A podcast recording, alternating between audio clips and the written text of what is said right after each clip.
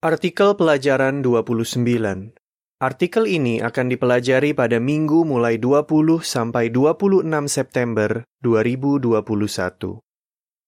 Bergembiralah karena kemajuan saudara sendiri. Ayat tema, setiap orang hendaknya bergembira karena dirinya sendiri, bukan karena membandingkan dirinya dengan orang lain.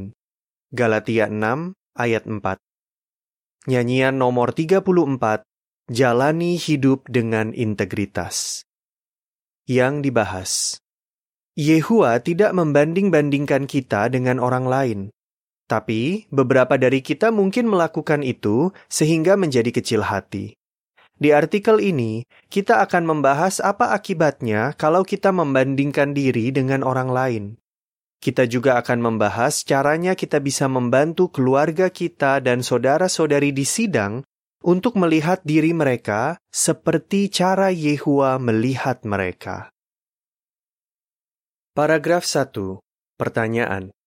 Kenapa Yehua tidak pernah membandingkan kita dengan orang lain? Yehua suka dengan keragaman. Ini terlihat dari ciptaannya yang begitu menakjubkan, mulai dari hewan, tumbuhan, sampai manusia.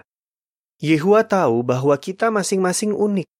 Jadi dia tidak pernah membandingkan saudara dengan orang lain. Dia bisa melihat hati saudara. Dia tahu seperti apa saudara sebenarnya. Dia juga tahu kelebihan saudara, kekurangan saudara, dan bagaimana saudara dibesarkan. Yehua tidak meminta saudara memberikan lebih banyak dari yang bisa saudara berikan. Jadi, kita perlu melihat diri kita sendiri seperti cara Yehua melihat kita. Dengan begitu, kita bisa menilai diri kita apa adanya, tidak lebih tinggi ataupun lebih rendah dari yang sebenarnya. Roma 12 ayat 3 Paragraf 2. Pertanyaan, apa akibatnya kalau kita membanding-bandingkan diri? Tentu saja, kita bisa belajar dari teladan orang lain. Misalnya, kita bisa meniru saudara-saudari yang terampil mengabar supaya kita juga semakin terampil. Tapi, meniru teladan seseorang berbeda dengan membanding-bandingkan diri. Kalau kita membandingkan diri dengan orang lain, kita bisa menjadi iri, kecil hati, atau merasa diri tidak berguna. Bahaya lainnya, seperti yang kita pelajari di artikel sebelumnya, kita bisa punya semangat bersaing dengan saudara-saudari, dan itu bisa mengganggu hubungan kita dengan Yehua.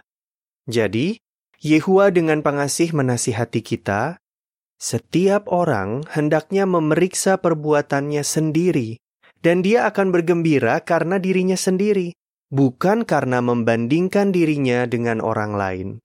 Galatia 6 ayat 4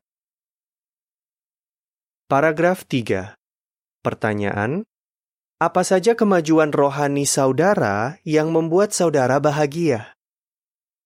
Yehua mau saudara bergembira karena kemajuan rohani saudara sendiri. Misalnya, saudara bisa merasa senang kalau saudara sudah dibaptis. Saudara sendiri yang membuat keputusan itu karena saudara mengasihi Allah. Coba pikirkan kemajuan apa saja yang sudah saudara buat sejak dibaptis. Apakah saudara semakin menyukai pembacaan dan pelajaran Alkitab pribadi saudara? Apakah doa-doa saudara sekarang lebih bermakna dan keluar dari hati? Apakah saudara sekarang lebih mudah mengajak orang bicara sewaktu mengabar, atau lebih terampil menggunakan berbagai alat bantu dalam dinas? Dan dalam keluarga, apakah saudara sudah menjadi suami, istri, atau orang tua yang lebih baik dengan bantuan Yehua? Kalau saudara sudah membuat kemajuan dalam bidang-bidang ini, saudara bisa merasa puas. Paragraf 4. Pertanyaan: Apa yang akan kita bahas di artikel ini? Kita bisa membantu orang lain untuk tidak membanding-bandingkan diri, tapi bergembira karena kemajuan rohani mereka sendiri. Di artikel ini, kita akan membahas bagaimana orang tua bisa membantu anak mereka, bagaimana suami istri bisa membantu satu sama lain, dan bagaimana para penatua serta saudara-saudari lainnya bisa membantu rekan mereka.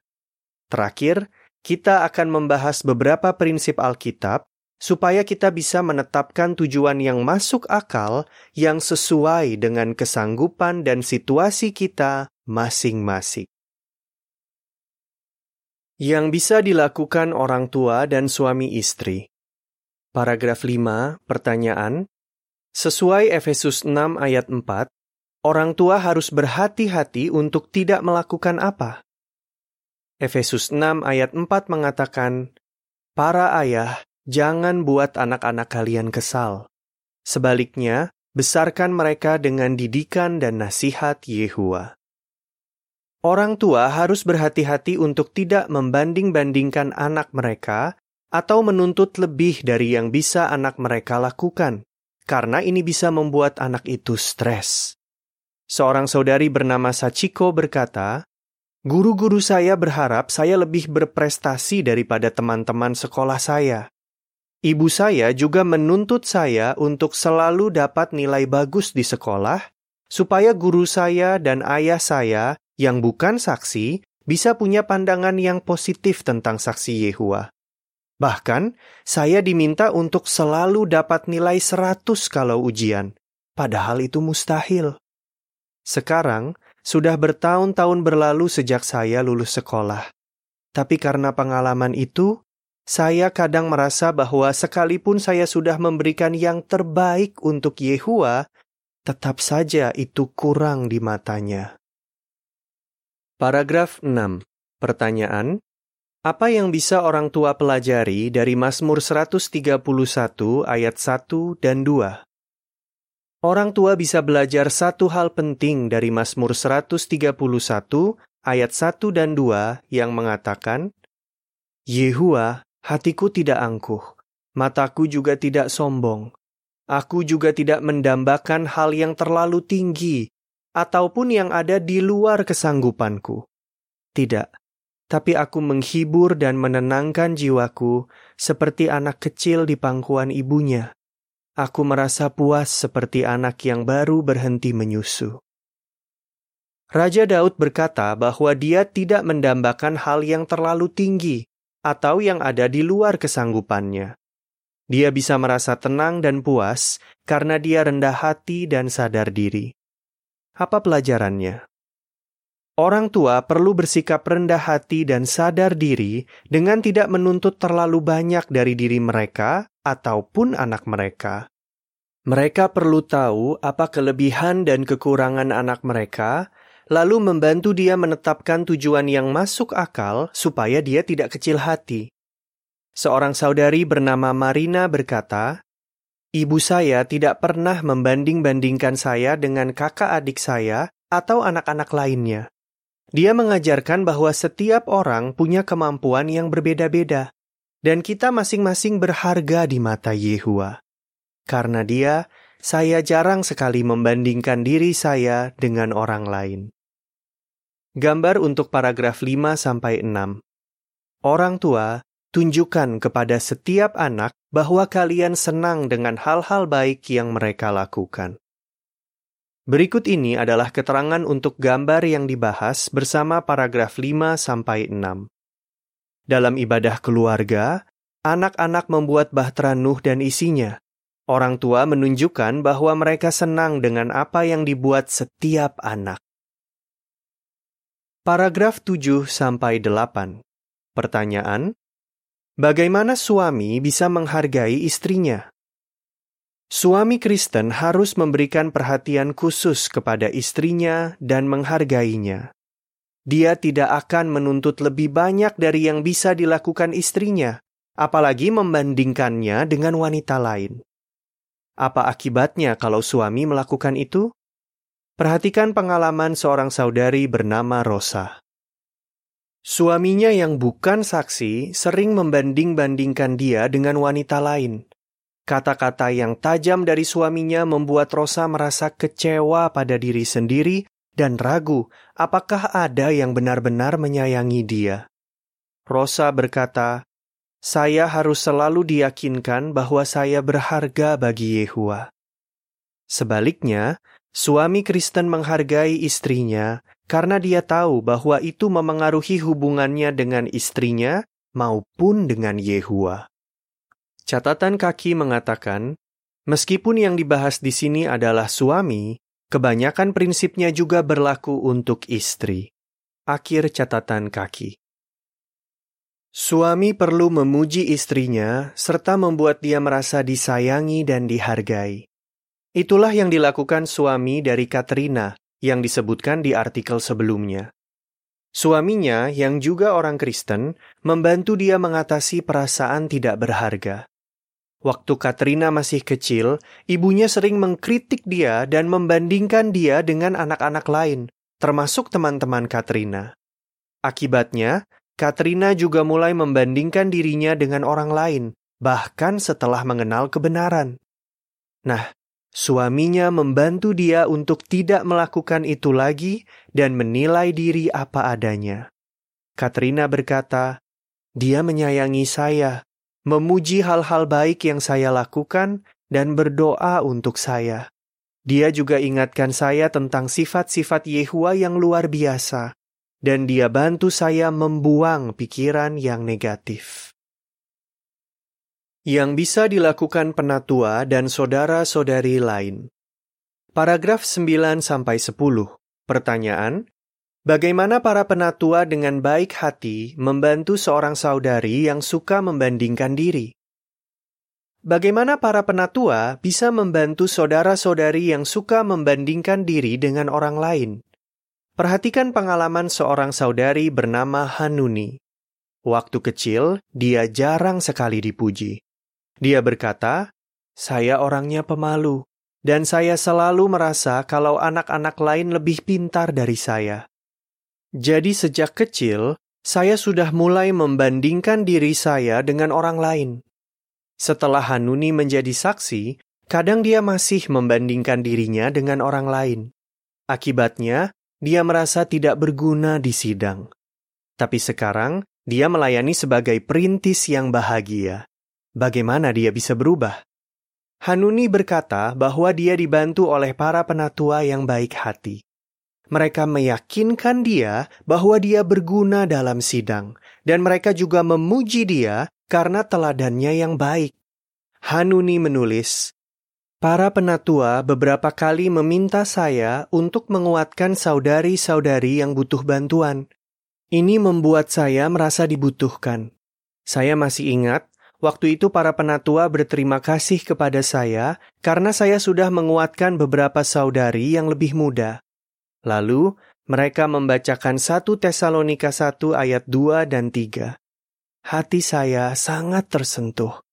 Karena para gembala yang baik itu saya jadi sadar kalau saya punya peranan dalam organisasi Yehua.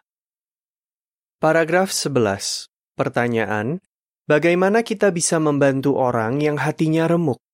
Yesaya 57 ayat 15. Yesaya 57 ayat 15 mengatakan, Sebab inilah yang dikatakan Allah yang maha tinggi, yang hidup abadi dan yang suci namanya. Aku tinggal di tempat yang tinggi dan kudus, tapi juga dengan orang yang remuk dan rendah hati, untuk memulihkan semangat orang yang rendah hati dan menyembuhkan hati orang yang remuk. Yehua sangat peduli kepada orang yang hatinya remuk. Kita semua, bukan hanya para penatua, bisa ikut menguatkan saudara-saudari kita. Kita bisa menunjukkan bahwa kita benar-benar peduli kepada mereka. Yehua mau kita meyakinkan mereka bahwa mereka adalah domba-dombanya yang berharga, yang sangat dia sayangi. Kita juga bisa membantu saudara-saudari dengan bersikap rendah hati dan sadar diri. Kita tidak akan menarik perhatian pada diri sendiri dan membuat orang lain merasa iri. Sebaliknya, kita menggunakan kemampuan dan pengetahuan kita untuk saling menguatkan. Paragraf 12. Pertanyaan: Kenapa orang-orang yang sederhana senang berada dekat Yesus?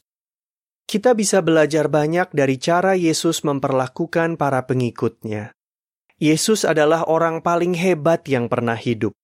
Meski begitu, dia lembut hati dan rendah hati. Matius 11 ayat 28 sampai 30. Dia tidak pernah menyombongkan kepintarannya atau pengetahuannya yang luar biasa. Sewaktu mengajar, dia menggunakan bahasa yang sederhana dan perumpamaan yang menarik, sehingga orang-orang biasa pun bisa paham dan tersentuh.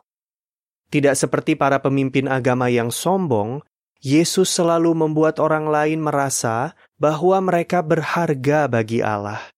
Dia tidak pernah merendahkan orang-orang biasa. Paragraf 13. Pertanyaan: Apa yang menunjukkan bahwa Yesus baik hati dan sayang kepada murid-muridnya? Dari cara Yesus memperlakukan murid-muridnya, kita bisa lihat bahwa dia baik hati dan sayang kepada mereka. Dia tahu bahwa kesanggupan dan situasi mereka tidak sama. Jadi, tugas yang bisa mereka jalankan berbeda-beda.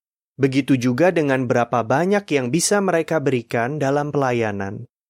Meski begitu, dia tetap senang karena mereka semua melayani dengan sepenuh hati.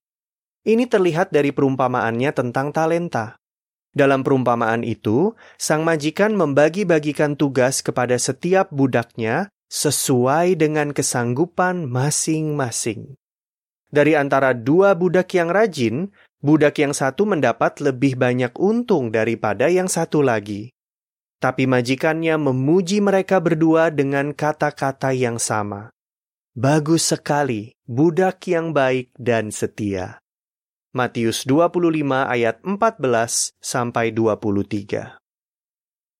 Paragraf 14. Pertanyaan: Bagaimana kita bisa meniru cara Yesus memperlakukan orang lain?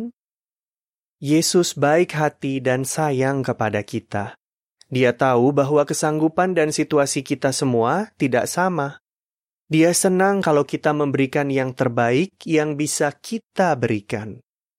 Nah, kita mau meniru cara Yesus memperlakukan orang lain.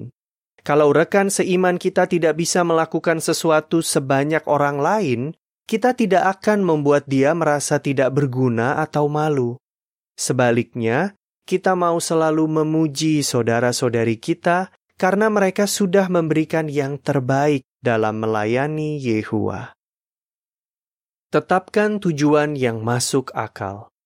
Paragraf 15 sampai 16. Pertanyaan: Apa manfaat yang dirasakan Midori karena menetapkan tujuan yang masuk akal? Kalau kita menetapkan tujuan-tujuan rohani, hidup kita akan lebih bermakna dan memuaskan. Tapi, tujuan yang kita tetapkan harus sesuai dengan kesanggupan dan situasi kita, tidak perlu sama dengan orang lain. Kalau kita menetapkan tujuan yang tidak masuk akal, kita bisa kecewa dan kecil hati. Mari kita lihat pengalaman seorang saudari perintis bernama Midori. Waktu Midori masih kecil, ayahnya yang bukan saksi sering merendahkan dia dengan mengatakan bahwa dia tidak sepintar adik-adiknya atau teman-teman sekelasnya. Saya jadi merasa tidak berguna, kata Midori. Tapi ketika beranjak dewasa, Midori bisa mulai percaya diri. Dia berkata, "Saya baca Alkitab setiap hari. Jadi saya bisa merasa damai dan yakin kalau Yehua sayang sama saya. Selain itu, Midori menetapkan tujuan-tujuan yang masuk akal dan berdoa supaya Yehua membantu dia. Hasilnya, Midori bisa bergembira karena kemajuan rohaninya sendiri. Gambar untuk paragraf 15 sampai 16. Tetapkan tujuan-tujuan yang masuk akal dan saudara akan bahagia sewaktu berhasil meraihnya. Berikut ini adalah keterangan untuk gambar yang dibahas bersama paragraf 15 sampai 16. Seorang ibu tunggal yang anaknya masih kecil membuat jadwal untuk merintis ekstra, dan dia senang karena akhirnya bisa merintis. Teruslah berikan yang terbaik kepada Yehua, Paragraf 17, pertanyaan, bagaimana kita bisa terus memperbarui cara berpikir kita? Dan apa hasilnya kalau kita melakukan itu? Perasaan atau pikiran negatif kita tentang diri sendiri mungkin tidak bisa langsung hilang. Jadi Yehua menasihati kita, cara berpikir kalian harus terus diperbarui. Efesus 4 ayat 23 dan 24. Untuk itu, kita perlu terus-menerus berdoa, belajar Alkitab, dan merenung. Mintalah kekuatan dari Yehua Kuasa kudusnya akan membantu saudara melawan dorongan untuk membandingkan diri dengan orang lain. Dengan bantuan Yehua, saudara juga bisa tahu kalau saudara sudah mulai iri hati dan sombong, dan dia akan membantu saudara untuk segera berubah. Paragraf 18. Pertanyaan, Bagaimana saudara sendiri terhibur oleh ayat di 2 Tawarikh 6 ayat 29 dan 30? 2 Tawarikh 6 ayat 29 dan 30 mengatakan, Lalu seseorang atau seluruh umatmu Israel mengangkat tangan ke arah rumah ini untuk menyampaikan doa apa pun atau permohonan apa pun karena kesusahan dan rasa sakit mereka masing-masing Semoga engkau mendengar dari tempat tinggalmu di surga, lalu mengampuni mereka dan mengupahi setiap orang sesuai dengan semua perbuatannya, karena engkau tahu isi hati mereka. Hanya engkau yang benar-benar tahu isi hati manusia. Yehua tahu isi hati kita, dia juga tahu bahwa kita berjuang keras untuk melawan pengaruh buruk dunia ini dan kelemahan kita sendiri. Karena melihat perjuangan kita, Dia jadi semakin menyayangi kita. Paragraf 19. Pertanyaan. Bagaimana Yehua menggambarkan perasaannya kepada kita? Yehua menyebutkan tentang kasih sayang seorang ibu kepada bayinya untuk menggambarkan perasaannya kepada kita. Yesaya 49 ayat 15. Coba perhatikan kata-kata seorang ibu bernama Rachel. Dia menulis, Anak saya, Stefani, lahir prematur. Pertama kali saya lihat dia, dia kecil sekali dan tidak berdaya. Selama satu bulan, dia dirawat di dalam inkubator. Tapi dokter mengizinkan saya untuk menggendongnya setiap hari. Itu membuat saya dan bayi saya punya ikatan yang kuat. Sekarang dia sudah umur enam tahun, dan tubuhnya lebih kecil dari anak-anak seusianya. Tapi saya sayang sekali sama dia karena dia sudah berjuang untuk hidup, dan dia membuat saya benar-benar bahagia. Begitu juga, Yehua sangat menyayangi kita ketika dia melihat kita berjuang untuk melayani dia dengan sepenuh hati. Ini pasti menghibur kita. Paragraf 20.